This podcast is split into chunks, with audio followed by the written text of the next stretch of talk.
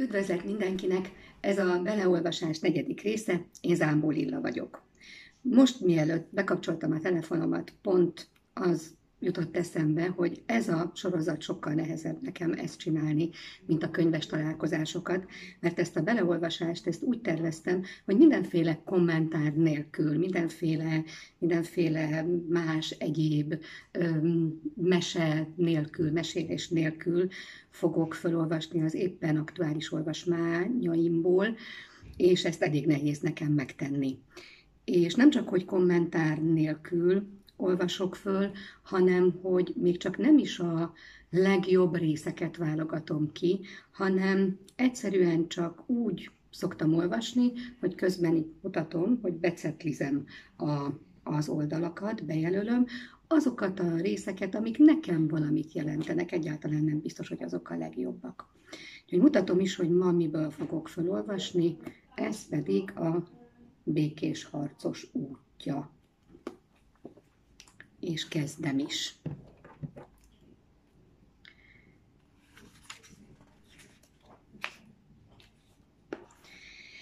Egy egyetemi tanár egyszer felment a japán hegyekbe, hogy találkozzon a híres zen szerzetessel. Amikor megtalálta, a professzor bemutatkozott, elmondta, milyen tudományos fokozatai vannak, és megkérte, hogy a szerzetes tanítsa őt a zenre. Kér egy teát? kérdezte a szerzetes. Kérek szépen, felelte a professzor. A szerzetes tölteni kezdte a teát, amíg az el nem érte a csésze peremét, azután folytatta, amíg a folyadék ki nem futott az asztalra, és csöpögni nem kezdett a földre. Elég, kiáltotta a professzor. Nem látja, hogy a csésze már tele van? Nem fér bele több. Ehhez a csészéhez hasonlóan maga is tele van már a saját tudásával és előítéleteivel. Ahhoz, hogy tanulhasson, először ki kell ürítenie a csészéjét, felelte a szerzetes.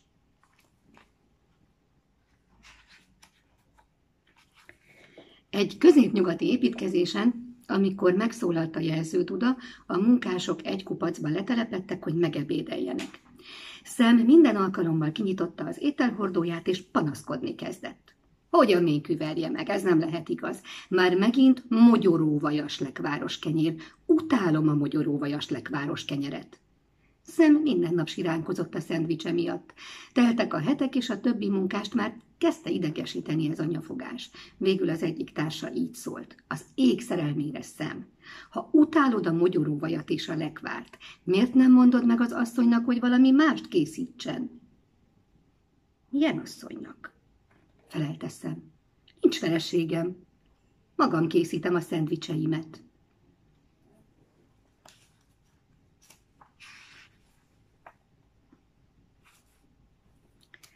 Most jöttem csak rá, miért szeretem annyira a tornát. Áldott pihenés menedékét nyújtotta zajos elmémtől. Amikor lengtem és szaltóztam, semmi más nem számított. Amikor aktív volt a testem, az elmém a csend pillanatait élvezhette.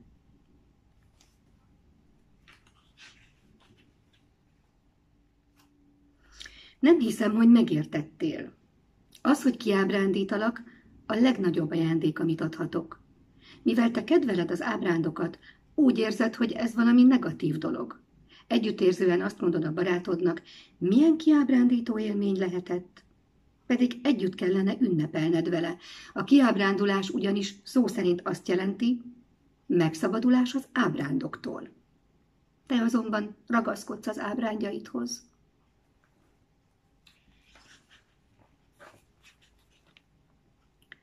Egy kis jegyzetvizetet kezdtem vezetni, amelyben leírtam a napi gondolataimat, kivéve az edzések idejét, amikor a gondolataim elsőbséget adtak a cselekvésnek. Két napon belül egy nagyobb jegyzetfüzetet kellett vennem, egy hét múlva az is tele lett, megdöbbentett gondolatfolyamaim tömege és általános negatív jellege. Ez a gyakorlat tudatosította bennem elmém hangját.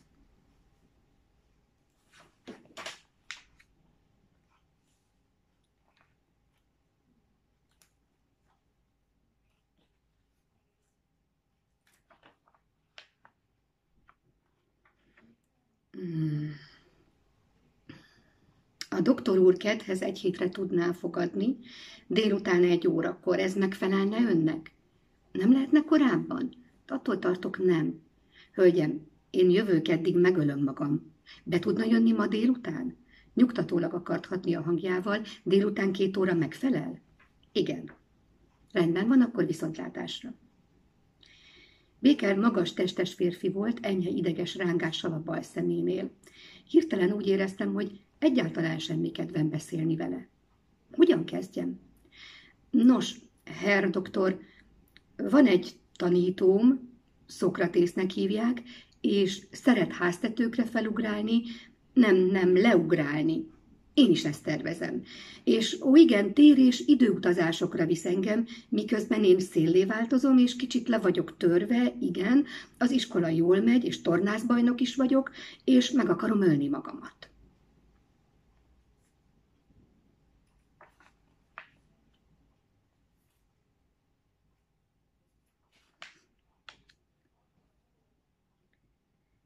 A csend a harcos művészete, a meditáció pedig a kardja. Ez a legfontosabb fegyver, hogy keresztül vágja magát az ember az illúzióin. De értsd meg, az, hogy mennyire használható a kard, a használójától függ.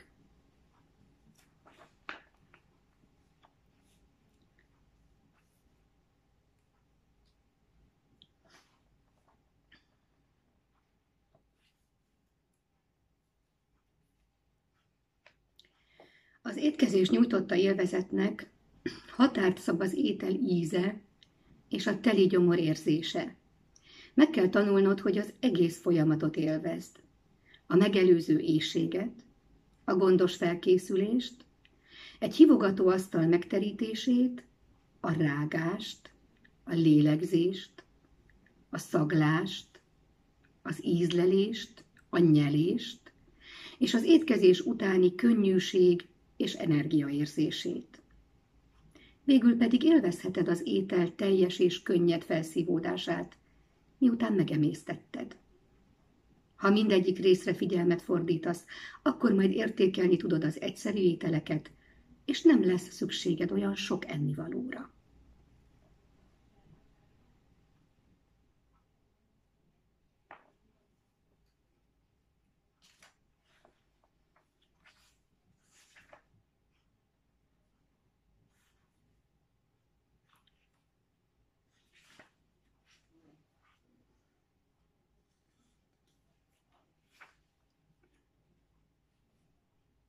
Na, most nem találom a dolgot.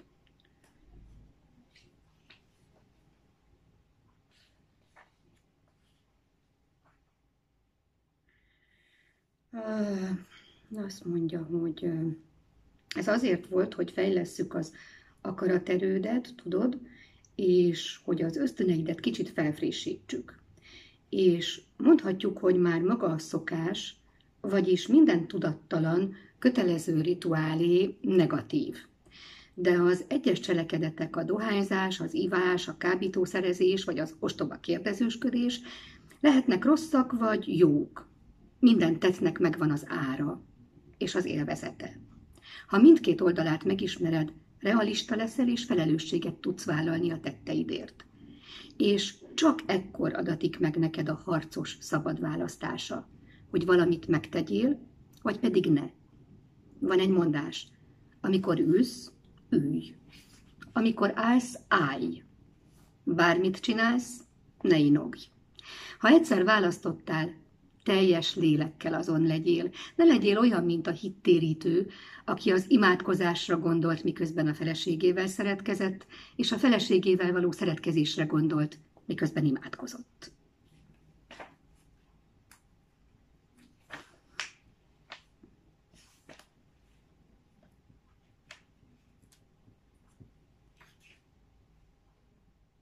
Nem az a dolgod, hogy eljuss valahová, hanem hogy itt legyél. Te még mindig egyáltalán nem a jelenben élsz. Csak akkor összpontosítod az elmédet az itt és mostra, amikor szaltózol, vagy én piszkállak. Most itt az ideje, hogy tényleg összeszed magad, ha azt akarod, hogy esélyed legyen megtalálni a kaput. Itt van előtted. Nyisd ki a szemed. És végül egy anya elvitte Mahatma Gandhihoz a kisfiát. Így könyörgött. Kérlek, Mahatma, mondd meg a fiamnak, hogy ne egyen cukrot. Gandhi egy pillanatra megállt, aztán azt mondta, két hét múlva hozd vissza a fiadat. A meglepett asszony megköszönte a dolgot, és azt mondta, így is fog tenni. Két héttel később az asszony visszatért a fiával, Gandhi a gyerek szemében nézett, és azt mondta, ne egyél cukrot. Hálásan, de meghökkenve kérdezte meg a nő. Miért mondtad azt, hogy két hét múlva hozzam vissza? Akkor is megmondhattad volna neki ugyanezt. Gandhi azt válaszolta. Két héttel ezelőtt még én is ettem cukrot. További olvasást kívánok a viszontlátásig.